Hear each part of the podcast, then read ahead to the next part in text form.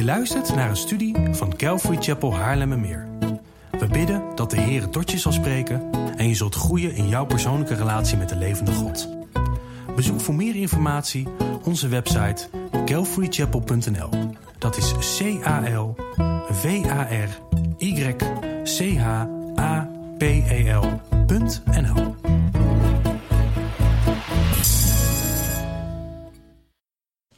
Afgelopen zondag hebben wij een start gemaakt aan, uh, aan de meerdelige serie die ik genoemd heb: Het huwelijk als Gods geschenk.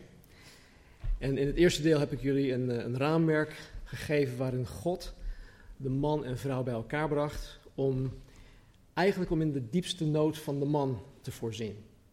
En dat was namelijk het gezelschap of de kameraadschap van een helper die aan hem gelijk is. Iemand die precies bij hem paste.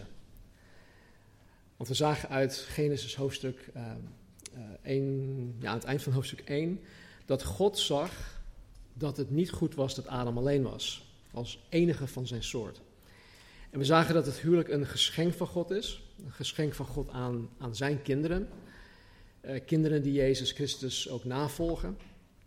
We zagen dat het huwelijk niet alleen zomaar een geschenk was, maar een zeer goed geschenk. Een geschenk dat voor God zelf ook echt kostbaar is. En um, ik weet niet of je ooit bij stil hebt gestaan, maar God geniet ervan wanneer het huwelijk tot Gods doel komt. Wanneer jullie huwelijken tot Gods doel komt. God kan daarvan genieten. Wij zagen dat de huwelijksrelatie tussen man en vrouw de meest intieme, de meest stevige en de meest onverwoestbare relatie hoort te zijn tussen twee mensen hier op aarde. Uh, dus als je gehuwd bent, dan moet jouw partner de enige persoon op aarde zijn waarmee je zo hecht bent. Want vorige week ook erover dat, ja, sommige mannen die zijn dan, ja, maar goed, daar heb ik mijn maatjes voor. Nee, uh, mannen, je vrouw hoort degene te zijn waarmee je zo hecht bent. En vrouwen, als jullie van die BFF's hebben, noem maar, noem maar op. Nee, jullie mannen horen jullie BFF's te zijn. Nou, vanmorgen gaan we naar een, een, een paar aspecten kijken. Uh, een paar aspecten van het huwelijk. En, en wat ik graag wil is dat jullie deze aspecten gaan zien binnen dat raamwerk dat ik vorige week heb geschetst. Het raamwerk van de, de on, onscheidbare man-vrouw eenheid. waar we het vorige week ook hebben, over hebben gehad. De, hoe heet dat? Um, twee componentenlijm. Dat, dat, dat, één, dat jullie één geworden zijn. Ik, ook deze week, net als vorige week, heb ik een disclaimer. Uh, deze keer iets anders, maar de disclaimer is dit: dat waar wij vanmorgen naar gaan kijken, voor sommigen van jullie best wel iets kan triggeren, best wel emotioneel pijnlijk kan zijn. Uh, ook kan het zo zijn dat niet alles op sommigen van jullie van toepassing is. En de reden daarvoor kan zijn omdat je ja, in een andere levensfase zit. Uh, Marnie en ik zijn nu opa en oma, dus we hebben geen eigen kleine kinderen meer. We hebben nu eigen kleinkinderen. Uh, dat is toch wel iets anders, want als wij hun zat zijn, dan geven we hem terug aan de ouders. Uh, dus ja, wij zitten in een hele andere levensfase dan, ja, noem maar op, Kees en Lianne, die Boas nu net hebben gekregen. En het kan zijn omdat het jou ook niet gegeven is om iets van God te krijgen. Dus uh, wil niet zeggen dat jullie um, ja, hier pijn gaan onderlijden, maar het kan zo zijn dat het wat dingetjes uh, triggert. Nou, de man en de vrouw. De man en de vrouw zijn binnen dit raamwerk um, door God niet slechts bijeengebracht om in de diepste nood van de man te voorzien. Het was niet alleen zo, oké, ik zie dat de man alleen is, het is niet goed dat de man alleen is, dus ik maak de vrouw. Uh, God keek veel verder dan alleen dat. En het is nu juist, nu zij dus samen zijn gebracht door God, dat zij hun levens nu met elkaar, eh, nu, nu zij hun levens met elkaar delen, dat zij nu dus veel meer kunnen doen. Zij kunnen samen veel meer doen dan wat Adam alleen kon doen. En het eerste waar we, waar we vanmorgen naar gaan kijken is dat God de man en vrouw ook bijeenbracht om, om kinderen te verwekken. Om een gezin te stichten. In Genesis hoofdstuk 1 staat dit. En God schiep de mens naar zijn beeld. Naar het beeld van God schiep hij hem. Mannelijk en vrouwelijk schiep hij hen. En God zegende hen en God zei tegen hen: Wees vruchtbaar, word talrijk, vervul de aarde. Het was Gods bedoeling voor dit echtpaar, en dan ook heel specifiek voor dit echtpaar, om vruchtbaar te zijn, om zichzelf te vermenigvuldigen, om veel kinderen te krijgen. Adam heeft 930 jaar geleefd. En we weten niet precies hoeveel kinderen ze hebben verwerkt. Maar ik kan me voorstellen in 930 jaar dat dat best wel een groot aantal uh, kan zijn. Um, als je alleen maar kijkt naar familie Kis bijvoorbeeld. Zijn ouders hebben 14 kinderen verwerkt, toch? Ja? Ja, ja, 14. Nou goed, en dat in een heel kort tijdspanne. Nou, als, als enige twee mensen op aarde was, was deze opdracht, denk ik, logisch. Ja, jullie zijn met z'n tweeën. Jongens, wees vruchtbaar. Word talrijk. Hè, vervul de aarde. Uh, want stel, ja, stel je voor dat, dat Adam en Eva zoiets hadden. We willen eigenlijk, willen eigenlijk geen kinderen. We vinden het zo, zo gezellig met z'n, met tweetjes. Ja, als dat zo was, dan, dan waren wij hier vandaag ook niet. Als onze ouders niet vruchtbaar waren geweest, dan zouden wij hier ook niet zijn. Dus de vermenigvuldiging, de, de vruchtbaarheid van het huwelijk is noodzakelijk om als mens te kunnen blijven bestaan. Ik ben er persoonlijk niet van overtuigd, dat is even mijn persoonlijk ding, dat Gods gebod aan Adam en Eva per se voor mij geldt. Of voor ons geldt, anno 2019. Althans, ik, ik geloof niet dat dit gebod per se de motivatie hoort te zijn om vandaag kinderen te willen verwekken. En ik denk ook niet dat dat echt de motivatie voor velen van ons is om kinderen te krijgen. Eh, in sommige gevallen raakten onze vrouwen gewoon zwanger. Zonder dat we daarover nadachten, zonder dat we uh, het planden. Um, ineens, boom, hey, kijk even op het stripje, nou, er staat een plusje op. Weet je, dus uh, voor sommigen was het voor ons gewoon een verrassing. Um, bij anderen was er sprake van een kinderwens en dat, dat ze ook echt hebben geprobeerd om een kind te krijgen. Maar ook ik denk dat in beide gevallen dat dat, ja, ik, ik kan het niet zeker zeggen, met zekerheid zeggen, maar in vele gevallen is dat niet per se omdat God in Genesis 1 zei, um, wees vruchtbaar, word talrijk, vervul de aarde. Dus moeten wij dit gebod letterlijk één op één toepassen? Uh, ik geloof van niet. Als je dat anders gelooft is prima, maar ik, ik geloof van niet. De katholieken geloven dat dus wel. Vandaar dat ze ook geen, uh, dat ze tegen, hoe noem je dat, voorbehoedsmiddelen zijn. Ja. Uh, maar goed, dit is alleen mijn mening, dus doe daarmee wat je wil.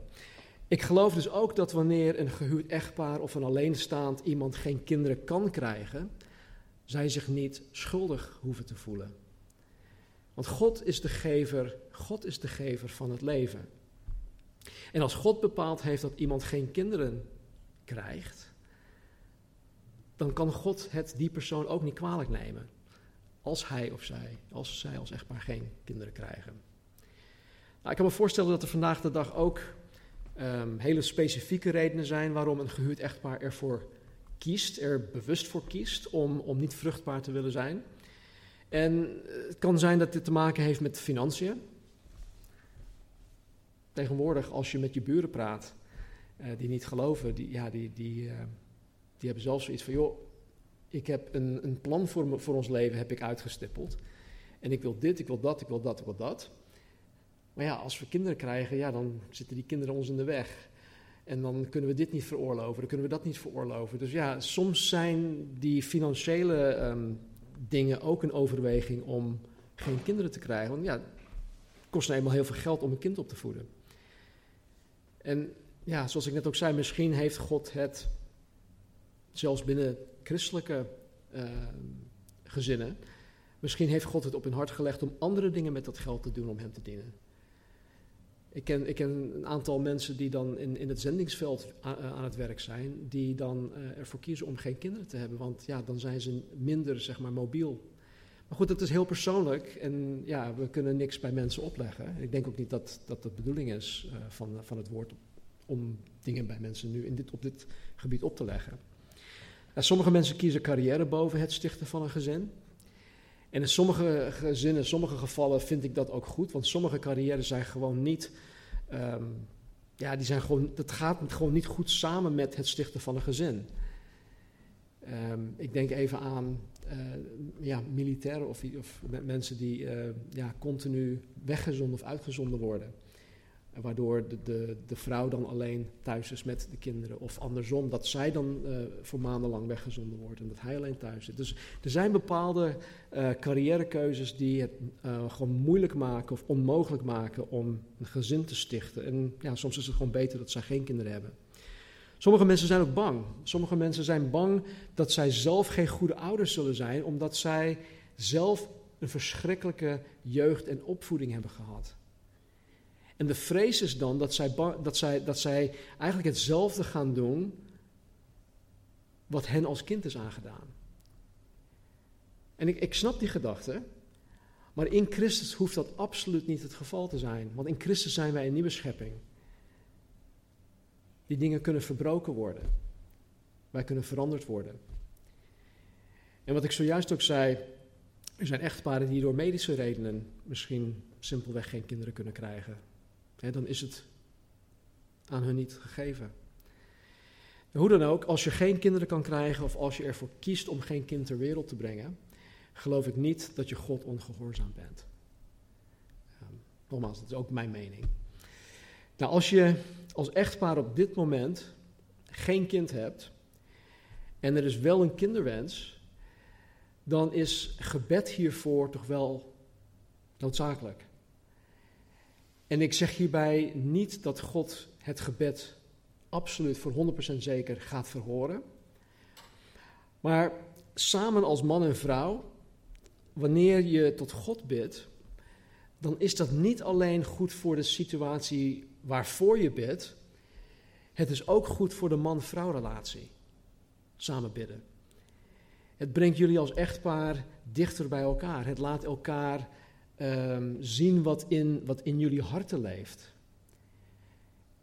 En als je al jarenlang getrouwd bent, en dan gaat het misschien niet eens over kinderen krijgen, maar als je als man en vrouw niet samen bidt, dan ken je elkaar niet. Dan ken je elkaar niet echt.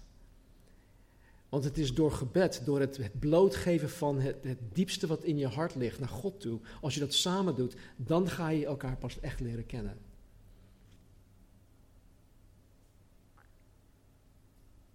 En kijk, wat God uiteindelijk door gebed tot jullie zal spreken, of God jullie nu wel of geen kinderen zal schenken. Ehm, wat ik net ook zei, samen bidden zal jullie huwelijk hoe dan ook ehm, alleen maar gaan opbouwen en alleen maar gaan versterken. Dus mannen, als jullie het voortouw niet nemen om samen met jullie vrouwen te bidden, maak daar een begin aan. En al is het een, een, een, een, een het gebed van 5 à 10 minuten, maar maak daar een begin aan. Het is belangrijk. Het is niet alleen belangrijk omdat, het, omdat God het uh, zegt, maar het is belangrijk voor je eigen welzijn in je huwelijk. Het is belangrijk voor je kinderen. Het is belangrijk voor de gemeente. Het is voor zoveel dingen belangrijk. Zoveel zaken en mensen om je heen hebben er baat bij wanneer echtparen met elkaar bidden. Nu, als jullie wel kinderen hebben, is het des te belangrijker dat jullie als man en vrouw, vader en moeder, een onscheidbare eenheid vormen. Weet je, het is, het is in mijn optiek, ik denk dat jullie dit ook wel ervaren, maar het is in mijn optiek heel moeilijk om Godvrezende kinderen in deze tijd op te voeden. Het is uitdagend, um, kost veel tijd en energie alles um, om je kinderen heen op school, uh, overal waar je kinderen terechtkomen, uh, wordt er, ze, worden bekogeld met leugens. De leugen van Jezus is niet God. De leugen van uh, je kan je eigen leven het beste bepalen. Je hoeft je niet te schikken aan een onzichtbare God die je toch niet ziet. Weet je, dus um, het is moeilijk om onze kinderen in de vrezen des Heer op te voeden. Het kan heel veel vreugde brengen. Tegelijkertijd kan het ook heel pijnlijk zijn. Maar het is zeker de moeite waard. Hoe slopend het ook kan zijn soms. Het is zeker de moeite waard. En als je het naar eer en geweten goed wil doen, dan zal het veel gebed, nummer één, veel gebed, tijd, energie en focus van je vragen. En als papa en mama dan allebei niet dichtbij bij Jezus blijven, als papa en mama dan niet op één lijn zitten of staan voor wat betreft de opvoeding, dan, dan zal het de opvoeding nog moeilijker maken. Dan zal het de opvoeding gewoon bijna onmogelijk maken en het zal ten koste gaan van het geestelijk welzijn van de kinderen. En ook je huwelijk zal er niet beter op worden. Het zal vooral ook moeilijker worden of zijn als slechts één van de ouders wel conscientieus met de Bijbel, met God, biddend zijn of haar kinderen wil opvoeden en de andere partner niet. Dat vermoeilijkt de situatie in kwadraat. Dat is gewoon zo ontzettend lastig. Als één persoon wel conscientieus zijn of haar kind wil opvoeden in de vrezen des Heren en de ander niet. Als ouders niet op één lijn zitten voor wat betreft opvoeding van hun kinderen, dan zal het kind tegenstrijdige signalen krijgen, wat gewoon verwarrend is voor het kind. Het kan zelfs schadelijk zijn voor het kind. Ik ga vanmorgen wat, wat voorbeelden noemen. En ja, ik, het zijn persoonlijke voorbeelden, dus het is niet om op te scheppen. Um, maar voor wat betreft de opvoeding van onze, onze meiden, we hebben vier dochters uh, gekregen. Uh, hadden Marnie en ik, nadat ik tot bekering kwam, want daarvoor kon het me niks schelen, maar nadat ik tot bekering kwam, hadden Marnie en ik samen besloten om kosten wat kost altijd op één lijn te zitten. Natuurlijk werkt dat niet in de praktijk altijd, maar over het algemeen, dit was ons besluit en we, we, we hielden elkaar ook verantwoordelijk om dat te blijven doen. En al waren wij het onderling met elkaar soms niet eens, naar onze kinderen toe deden wij ons best om, om dat niet te laten blijken. In feite, na verloop van tijd kwamen onze meiden te weten, dat vind ik wel grappig, dat zij niet tussen papa en mama in konden komen. Zij bleven proberen, want dat doen kinderen, maar over het algemeen lukt het hun niet. Het lukte hun niet, tot hun eigen frustratie aan toe, lukte het hun niet om tussen papa en mama in te komen. En eh, ja, het, dit klinkt heel simplistisch, maar bijvoorbeeld dit. Als een van onze meiden mij zou vragen of ze iets mochten hebben of doen, dan was mijn eerste reactie daarop: Heb je het alle mama gevraagd? Uh, ja. Nou, wat zei mama daarover? Nou, ze zei dit, dit en dat. Oké, nou, dan dat. Of als ik het daar niet mee eens was, dan zei ik, weet je, ik, uh, ik ga even met mama praten. Dus Marnie, ja, en Marnie deed precies hetzelfde als ze eerst naar mama toe gingen en ze aan mama vroeg, hé hey, mama, mag ik dit, mag ik dat? Kan ik dit doen? Heb je dan aan papa gevraagd? Uh, nee, nou laten we eerst aan papa vragen dan. Weet je, dus wij probeerden altijd uh, samen een, een, antwoord te geven. En dit liet onze dochters zien dat Marnie en ik een, een eenheid vormden.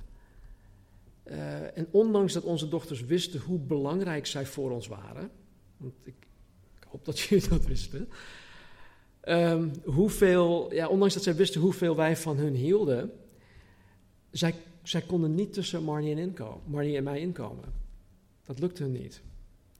Het liet hun ook zien dat ondanks dat Marnie en ik van hen hielden, ondanks dat God hen aan ons had geschonken, onze man-vrouw relatie belangrijker is dan onze ouder-kindrelatie. Weet je, ik, ik, ik, ik zie soms dingen op Facebook voorbij komen waarin een, uh, een jonge moeder ineens zoiets zegt op Facebook of uh, ze heeft een meme of zo erop gezet van uh, nu ik een kind heb, is dat het, is het kind mijn, is het kind mijn hart. het kind is, mijn allerbelang, is het allerbelangrijkste in mijn leven. En ik snap de, het, het sentiment wel, maar dat is niet bijbels, dat is niet wat God van ons vraagt.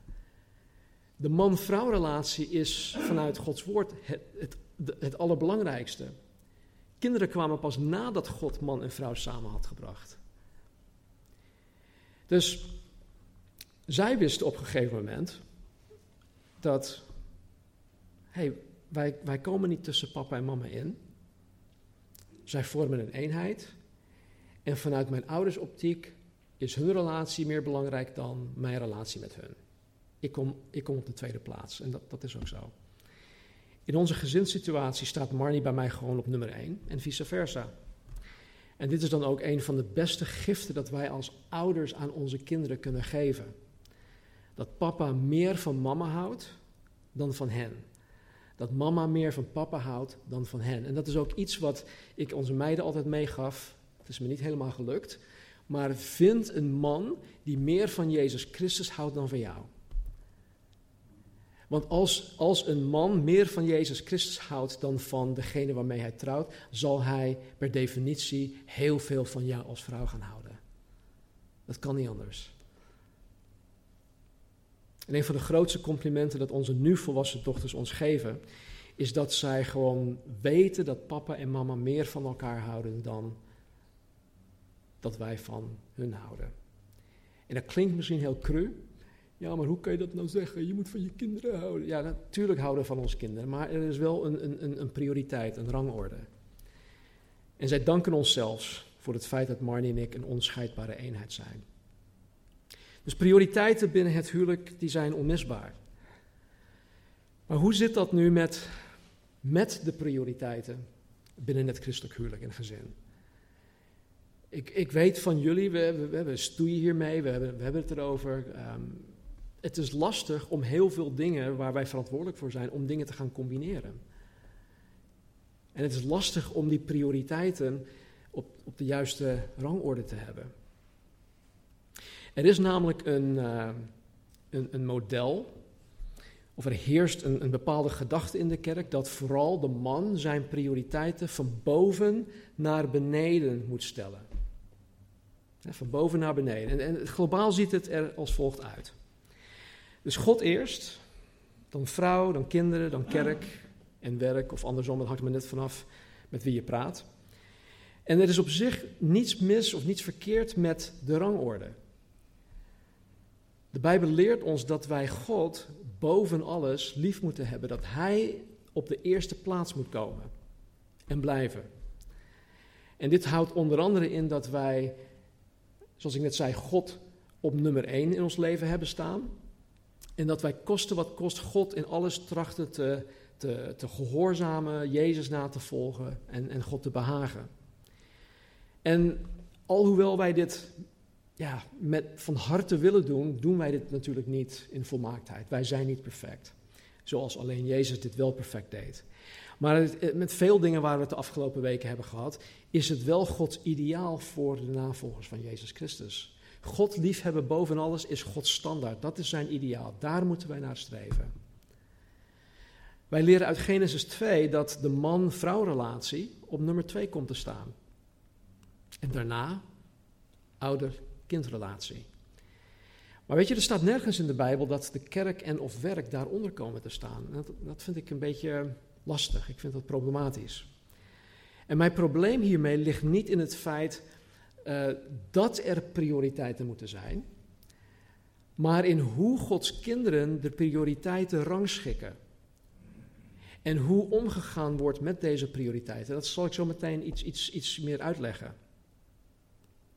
Kijk, iedere oprechte, uh, iedere oprechte navolger van Jezus Christus, uh, die God op de eerste plaats wil hebben, zal beamen dat je elke ochtend vroeg op moet staan om te bidden en Bijbel te lezen. En dat je elke dag stille tijd alleen met God hebt. Dus alleen jij en God. En dit is natuurlijk waardevol. Het is zeer waardevol zelfs. En je behaagt God hier ook mee, want hij wil graag tijd met jou doorbrengen. Maar ik geloof dat, dat, dat dit slechts een eerste vereiste is en niet een doel op zich. Ik geloof dat um, dat, dat, dat God, wanneer God op de eerste plaats staat, wanneer je God op de eerste plaats in je leven hebt, dat dat uh, veel meer behelst dan alleen stille tijd met God. Het behelst veel meer dan alleen stille tijd met God. Ik geloof dat iedere gehuurde man God op de eerste plaats kan hebben staan door hun eigen vrouw lief te hebben zoals Jezus Christus de gemeente lief heeft. zijn kerk lief heeft. Daar gaan we het over twee zondagen hebben. Ik geloof ook dat iedere gehuwde vrouw op de, uh, God op de eerste plaats kan hebben staan door hun eigen man te respecteren. Door zich in wederzijdse onderwerping zich aan haar man te schikken, zich aan haar man te onderwerpen. Dit ga ik over twee zondagen ook behandelen, ook meer uh, duidelijk definiëren. En hoe dit er in de praktijk uitziet en wat het precies betekent, dat gaan wij zien wanneer wij dan in, uh, in Efeze hoofdstuk 5 een aantal versen gaan doornemen. Ik geloof ook dat iedere gehuurde man God op de eerste plaats kan hebben staan door zijn kinderen op te voeden in de vrezen des Heren. Dat wil zeggen dat hij de kinderen opvoedt waardoor zij een diep ontzag en respect voor God krijgen. En ik geloof dat iedere man en vrouw God op de eerste plaats kan hebben staan door praktisch en geestelijk te dienen binnen de gemeenschap van de plaatselijke kerk. Sowieso um, is, het, is het structureel deelnemen aan de samenkomsten iets dat vanzelfsprekend moet zijn. Vanaf het moment dat ik tot bekering kwam, had ik nooit meer zoiets van: hey schat, wat gaan we aanstaande zondag doen? Nee, de zondagen werden gewoon structureel voor God en voor zijn kerk bewaard. En, en dat, dat zat er al vanaf het prille begin in. In Hebreeën hoofdstuk 10, vers 25 zegt uh, de Bijbel dit. Laten wij de onderlinge bijeenkomst niet nalaten, zoals er bij sommigen de gewoonte is, maar elkaar aansporen. En dat zoveel te meer als u de grote dag, dat is de dag van het oordeel, ziet naderen.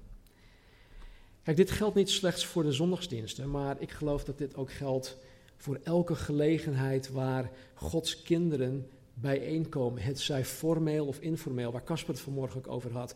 Maak gebruik van de, van de, de, de komende zeven uh, woensdagavonden. Hè, buiten je vakanties om natuurlijk, want dan ben je waarschijnlijk weg. Maar maak daar gebruik van om elkaar op te zoeken. Er zijn mensen die de, de, de, de kern vormen van onze woensdagavondgroep. En dat is een groepje van circa 15 mensen. Er zijn ook mensen die dus niet tot die kern behoren. Dus ik zou zeggen, mensen, zoek elkaar op. Juist degene die ook niet op de woensdagavond kan komen, rijk uit naar, de men, naar die mensen. Kijk, het gaat erom dat wij die Jezus navolgen volharden in de gemeenschap. Wat in Handelingen 2, vers 42 staat. En dat wil zeggen dat wij elkaar zoveel en zo vaak als mogelijk ontmoeten. En het moet natuurlijk niet een, een gedwongen of een geforceerd moetje zijn van oh, ik, ik moet weer die mensen bellen of ik moet dit weer. Nee, we moeten niks. Als je het niet wil, als, het niet, als God het niet op je hart legt, dan kan je het beter niet doen, want dan doe je het ja, niet met oprechte uh, beweegredenen. Maar als er enige schroom is van, joh, maar ja, ik, ik ben niet zo iemand om, om zomaar een, afspraak met iemand te maken. Bid dat God jou daarbij helpt, dat, dat Hij jou uh, er doorheen duwt. Weet je, vaak vragen wij God, Heer, neem dit weg, zodat ik, het, zodat ik dat kan doen. Ik heb geleerd dat ik moet bidden, Heer, help mij dat te doen, ondanks dit. Dat is een hele andere insteek. Dus zoek elkaar op. Ik ben er heilig van overtuigd dat God op de eerste plaats heeft bestaan zich ook uit door actief deel te nemen in de bediening. Oftewel door actief te dienen in de plaatselijke gemeente, op welke manier dan ook. Daar hebben we het een paar, paar woensdagen geleden ook over, over gehad. En ieder kan iets doen, al is het maar één ding. We kunnen dat ene ding aan God geven door elkaar te dienen. En, en ja, wij als gemeente bieden daar ook echt de ruimte voor en de gelegenheid voor. Het is niet zo dat ik alles in eigen handen wil hebben, dat ik alles uh, ja, naar me toe trek of dat Casper alles naar zich toe trekt. Nee, graag, doe alsjeblieft wat. Dien elkaar, dien de Heer. Nou, ook geloof ik dat iedere man en vrouw God op de eerste plaats kan hebben staan door hun uiterste best te doen op hun werk. Op de plaats van waar, waar hij of zij werkt. In Colossense 3 staat dit. Slaven, dat betekent eigenlijk werknemers. Wees in alles uw aardse heren, of uw werkgevers, gehoorzaam. Niet met ogendienst, als om mensen te behagen, maar oprecht van hart, in het vrezen van God. En alles wat u doet, doe dat van harte als voor de Here en niet voor mensen.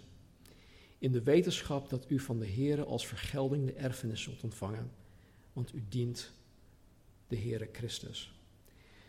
Dus waar wij ook komen, wat wij ook doen, wat voor beroep we uitoefenen, of het, of het nu een, een vaste baan is, of dat je een carrière hebt, of dat je in een, eh, voor een uitzendbureau werkt, of dat je ergens gedetacheerd bent, het maakt helemaal niets uit. Doe je uiterste best. Jij als christen, als je in een team van tien mensen zit waarvan jij de enige christen bent, jij moet de allerbeste werknemer zijn in dat team. En dan bedoel ik niet dat je ehm, ja, hoog, hoger opgeleid moet zijn of dat je uitmuntende dingen moet doen, maar als jij op tijd op je werk moet zijn, als je om acht uur moet beginnen, zorg ervoor dat je daar ook op tijd bent.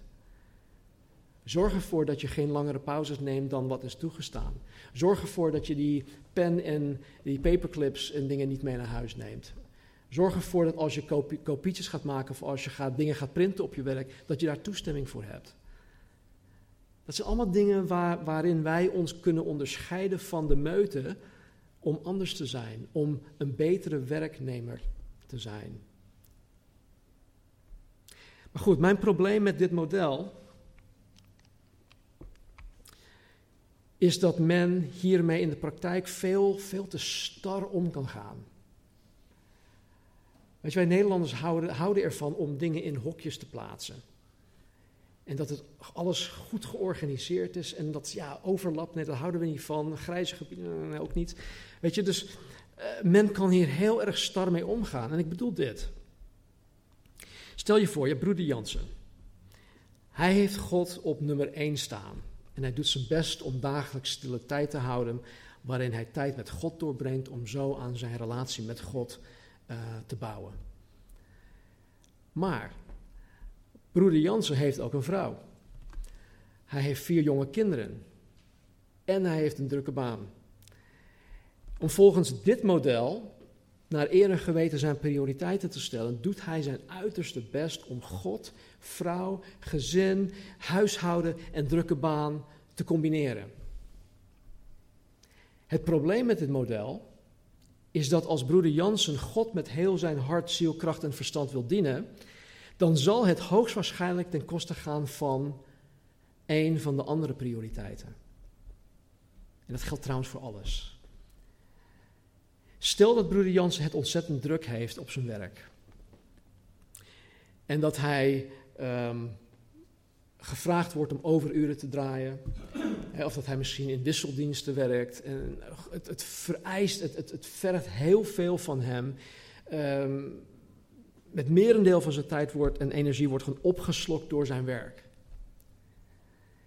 Nu is het zo dat wanneer broeder Jansen thuiskomt, hij. Er is toch niemand hier die Jansen heet, hè? Nee, oké. Uh, nu is het zo dat wanneer broeder Jansen thuiskomt, hij gewoon moe is. Hij is helemaal kapot. En het enige dat hij wil doen is gewoon chillen. Liefst zit hij op de bank achter zijn big screen, met een biertje hier naast hem en een remote. En dat is het enige wat hij wil doen. Hij heeft geen energie of tijd om aandacht te schenken aan zijn vrouw en aan zijn kinderen. Daarnaast is het ook zo dat hij geen tijd en energie heeft om ochtends vroeg op te staan. Want in zijn chilltijd raakt hij ja, zo, zo in zijn chill moment dat hij uh, het niet doorheeft dat het ineens al 11 uur s'avonds is. Oh ja, ik moet morgen vroeg opstaan. Dus hij is zo druk bezig met zijn werk en dat heeft dan zijn weerslag op veel dingen. Maar omdat hij ochtends vroeg ook niet kan opstaan om stille tijd met God te houden. Hij komt dus niet toe aan de vier hogere prioriteiten in dit model. En broeder Jansen is hiervan volkomen bewust. En omdat hij volgens dit model zijn prioriteiten niet op orde heeft, voelt hij zich schuldig. Hij voelt zich belast, overbelast. Hij voelt zich bezwaard. Hij is gestrest en hij is gewoon ontmoedigd. En wat hem dan nog extra schuldgevoelens geeft, is het feit dat hij niet of nauwelijks betrokken is in het werk van de Heer in de gemeente. Want daar komt hij totaal niet aan toe. Hij wordt geleefd. Deze situatie is absoluut niet bevorderend voor zijn huwelijk. Het is niet bevorderend voor zijn gezin, voor zijn kids. En het is niet bevorderend voor de kerk. En naarmate de tijd vordert en er geen verandering in, in zijn situatie komt, wordt hij steeds meer gedemotiveerd. Wat dan ook weer zijn weerslag heeft op zijn huwelijk, zijn gezin, kerk, werk en ga zo maar door. Dus dit is even mijn, mijn probleem met dit model. Maar wat, wat nu als wij uh, de prioriteiten niet van, van boven naar beneden stellen? Wat als wij het anders zien? En wat als wij in plaats van dat wij God van boven naar beneden op de eerste plaats zetten en alle andere prioriteiten een, een ondergeschikte plaats geven, wij God de eerste en hoogste prioriteit geven, maar dan verweven in alle andere prioriteiten.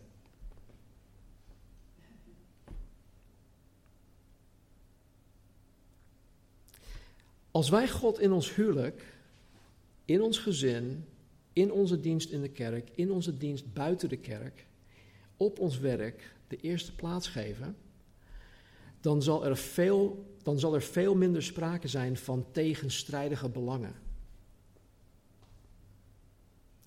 En ik, ik weet het, natuurlijk zullen er nog altijd momenten of wat langere perioden zijn waarin de een meer tijd en energie gaat krijgen dan de ander. Maar als wij God te allen tijden en in alles op de eerste plaats hebben staan, dan weet ik zeker dat de God die soeverein is, ons in die periodes zal gaan leiden. En dat Hij sowieso ons naar die periode toe heeft geleid. Ik heb door de jaren heen dat ik, dat ik hier als, als zendeling uh, gewerkt heb. Ik heb twintig jaar lang heb ik dan ook een, een ander werk gehad. Ik heb fulltime werk gehad. Ik heb zelfs banen gehad waar ik 60 uur in de week moest werken. Ik heb banen gehad waar ik bij drie verschillende uitzendbureaus tegelijkertijd uh, werkte. En het was altijd zo, Heer, wanneer gaat u mij nou verlossen van dit arbeid, zodat ik meer voor u kan doen? Ik ben hier als zendeling, ik, ik, ik wil juist uw werk doen. En elke keer probeerde, het lukte God niet altijd, want ik had zo'n plaat voor mijn hoofd, maar probeerde God mij duidelijk te maken, Stan, ik wil dat jij dit werk doet. Ik heb jou naar deze banen toegeleid. Want dit heb jij nodig. En mensen die daar zijn op jouw werkplaats, die hebben jou nodig. Jij bent de enige die in Jezus Christus gelooft. Jij moet het zout der aarde zijn. Jij moet het licht van mij schijnen op die plaatsen.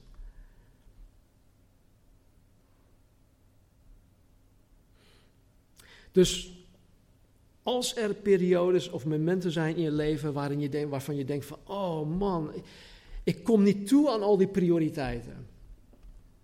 Als je God op de eerste plaats hebt staan op alle gebieden in je leven, dan kan je er ook zeker van zijn dat God jou daar naartoe heeft geleid. Dat de situatie waarin je op dit moment in zit, dat dat door God geleid is.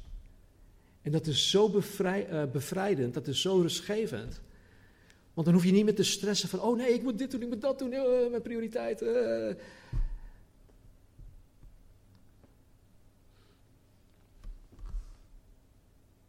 En als wij God op de eerste plaats hebben staan, dan kan je er ook op rekenen dat God de prioriteiten in je leven gaat stellen. Hij gaat die, die, prioriteiten in je leven stellen. En dit houdt in dat wanneer God meer quality time met jou persoonlijk wil besteden, dat Hij de situatie in je leven dusdanig leidt dat je Hem meer ernstig gaat zoeken. Als God zegt van, weet je, Steen, je bent veel te druk bezig met al die andere dingen. Ik wil jou nu even voor mezelf hebben. Dan laat God iets toe in mijn leven, waardoor ik als het ware teruggefloten word, waardoor ik God veel meer ernstig ga zoeken. En dat zijn meestal hele moeilijke dingen. Als God wil dat je meer aandacht aan je gezin besteedt, dan zal God ook dat duidelijk maken. En omdat God sowieso wil dat je als levende bouwsteen volhardt in het bouwen aan zijn gemeente, zal God jou ook hierin leiden en hij zal je hart daar ook toe bewegen. Dus je hoeft niet langer geforceerd of kramp, krampachtig alle balletjes in de lucht proberen te houden.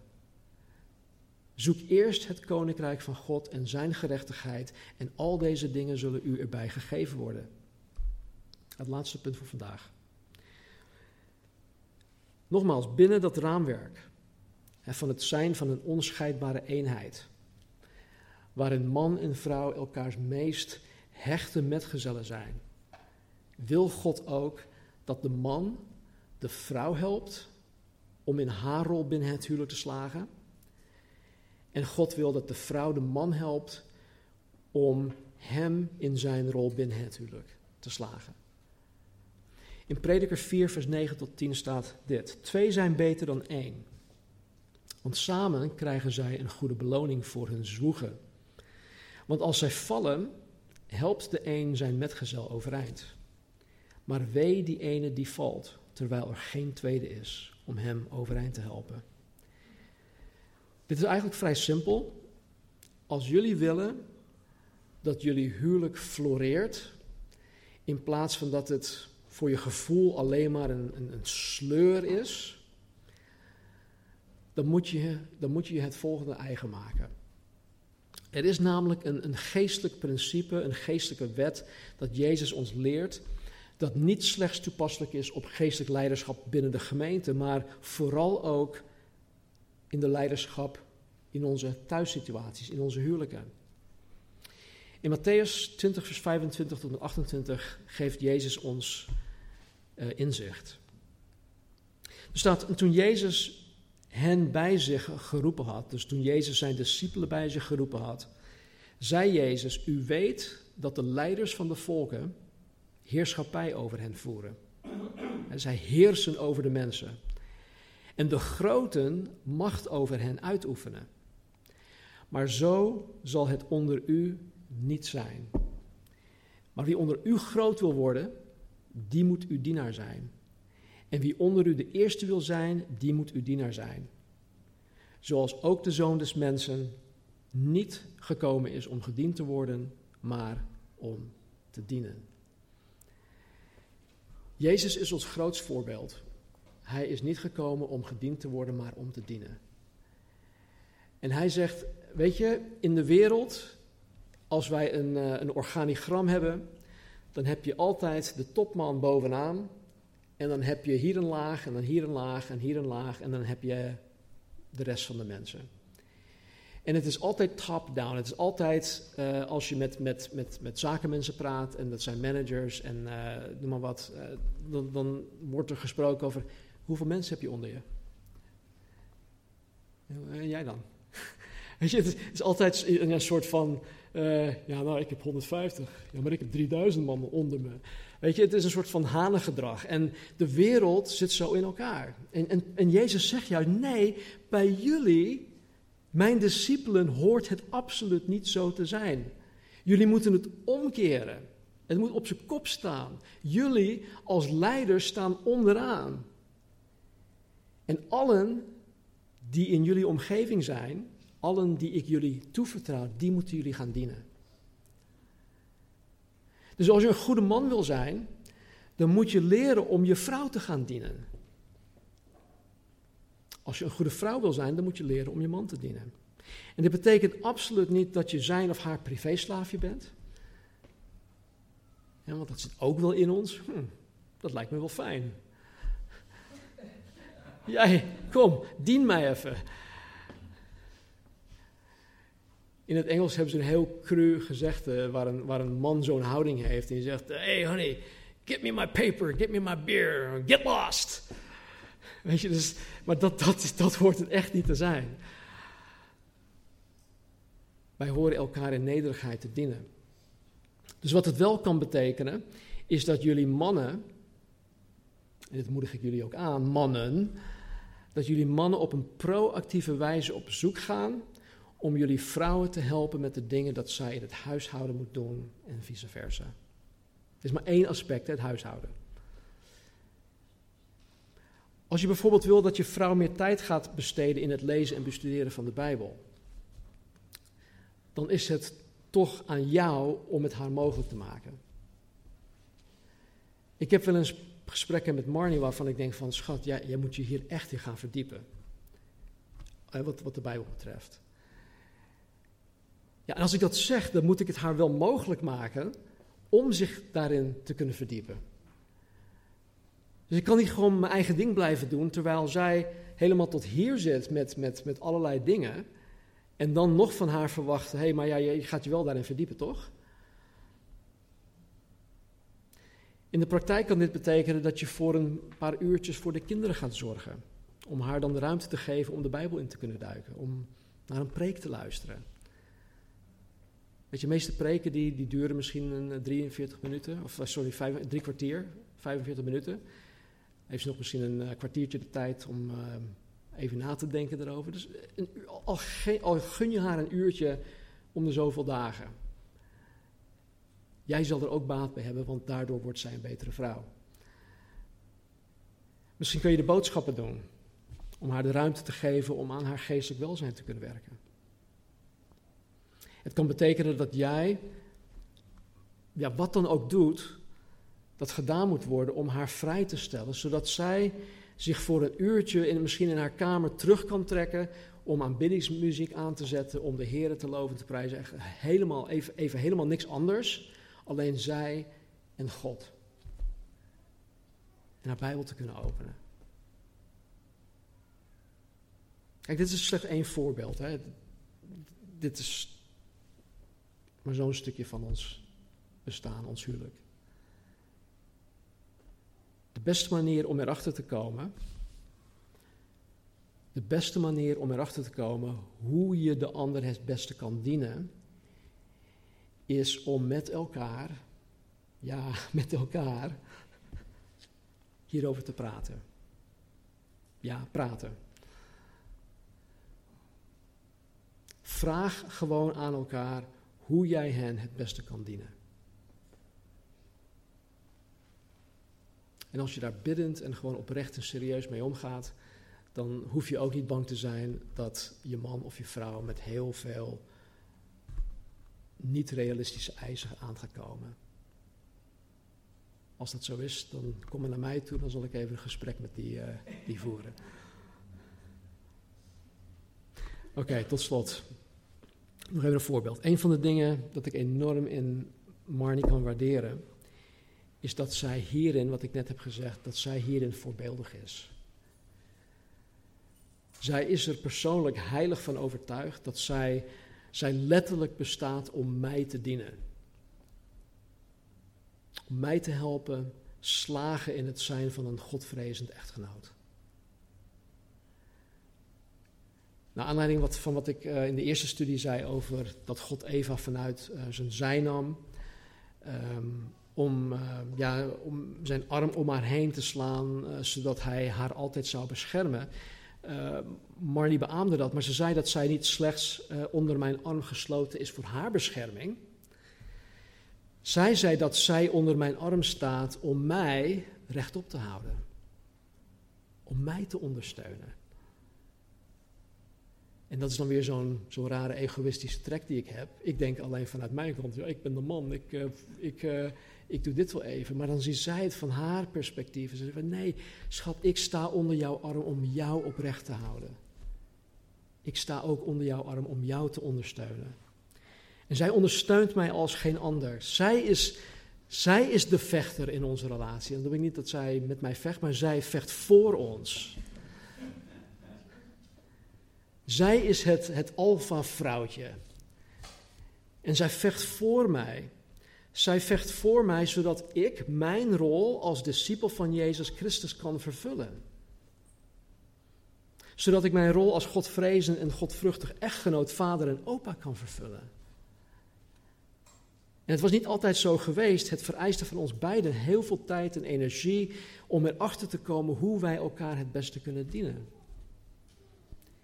En na verloop van tijd, door hierin te volharden, door hierin uh, standvastig te blijven, zijn wij door Gods genade hierin gaan groeien. En we zijn nog steeds lerend. We zijn nog steeds lerend. Jezus, de dienaar van allen, is hierin ons grootste voorbeeld. En nogmaals, door genade alleen is Hij ons aan het leren om Hem hierin na te volgen. Dat we zeggen, te worden als Hij. Als jullie elkaar willen helpen om te slagen in, in jullie door God gegeven rollen als man en vrouw, dan kan dat absoluut niet zonder dat je leert hoe je elkaar kan dienen. Ik zal veel meer over de rollen van, de rollen van de man en vrouw later uh, hebben. Nou, ik laat het hierbij. Um, aanstaande zondag gaan we hiermee verder. En dan zal ik het hebben over seks binnen het huwelijk. En ook Gods ultieme bedoeling van het huwelijk. Dus laten bidden. Heere God, dank u wel dat u ons lief hebt. Dank u wel dat u uw genade hebt gegeven, niet alleen om ons te redden, maar ons te doen veranderen naar het beeld van Jezus Christus. En ik dank u, Heer, dat u het huwelijk gegeven hebt. Heer, het huwelijk, het gezin, dat is eigenlijk het laboratorium waarin wij mogen leren hoe christen te zijn. Heer, ik weet dat het thuis juist soms het moeilijkst is om christen te zijn. Dus ik dank u dat u ons die gelegenheid hebt gegeven, die mogelijkheid. Dus vader, help ons als ouders onze, en grootouders, onze kinderen en kleinkinderen, hier op te voeden in de vrezen des Heren. En hier als er mensen zijn die een kinderwens hebben, maar die dat tot, tot op heden, um, ja, dat die wens niet verwezenlijkt is. Of dat u gewoon nadrukkelijk hebt gezegd van nee, dit, dit heb ik niet voor jou. Heer, help deze mensen om hier doorheen te komen. Niet om daarmee genoegen te nemen, maar juist om daarin met vol vertrouwen hier het, ja, het leven door te gaan. Heer, help ons om, om elkaar te leren dienen. Heer, het is, ja, het is niet makkelijk. Vaak houden wij mannen niet van praten. Maar Heer, er is toch maar één manier om hierachter te komen en dat is door te praten en vooral door te luisteren.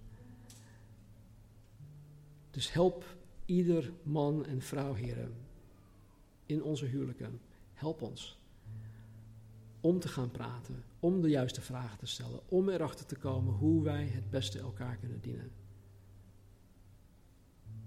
Zegen ons, help ons hierin, doordring ons van het feit dat het huwelijk aan ons gegeven is en niet zomaar voor ons plezier, dat ook wel, maar vooral, heren, tot eer en glorie van uw naam.